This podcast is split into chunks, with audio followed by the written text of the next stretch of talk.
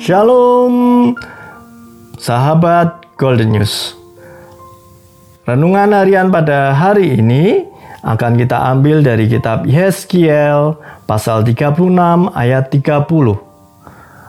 Aku juga memperbanyak buah pohon-pohonmu dan hasil ladangmu, supaya kamu jangan lagi menanggung noda kelaparan di tengah bangsa-bangsa.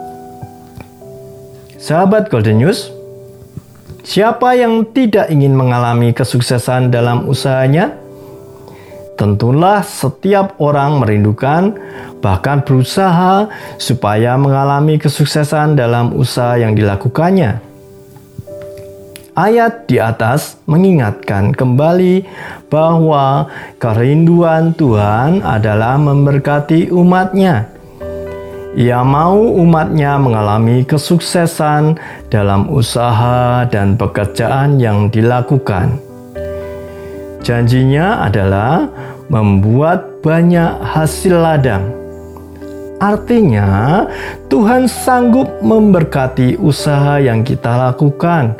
Bahkan di sana dikatakan tujuannya adalah supaya jangan lagi menanggung kelaparan Tuhan mau mencurahkan berkatnya atas kita. Namun jika kita perhatikan di ayat sebelumnya, ada hal menarik supaya kita lakukan. Di sana dikatakan, kamu akan kuberikan hati yang baru dan roh yang baru di dalam batinmu dan aku akan menjauhkan dari tubuhmu hati yang keras dan kuberikan kepadamu hati yang taat.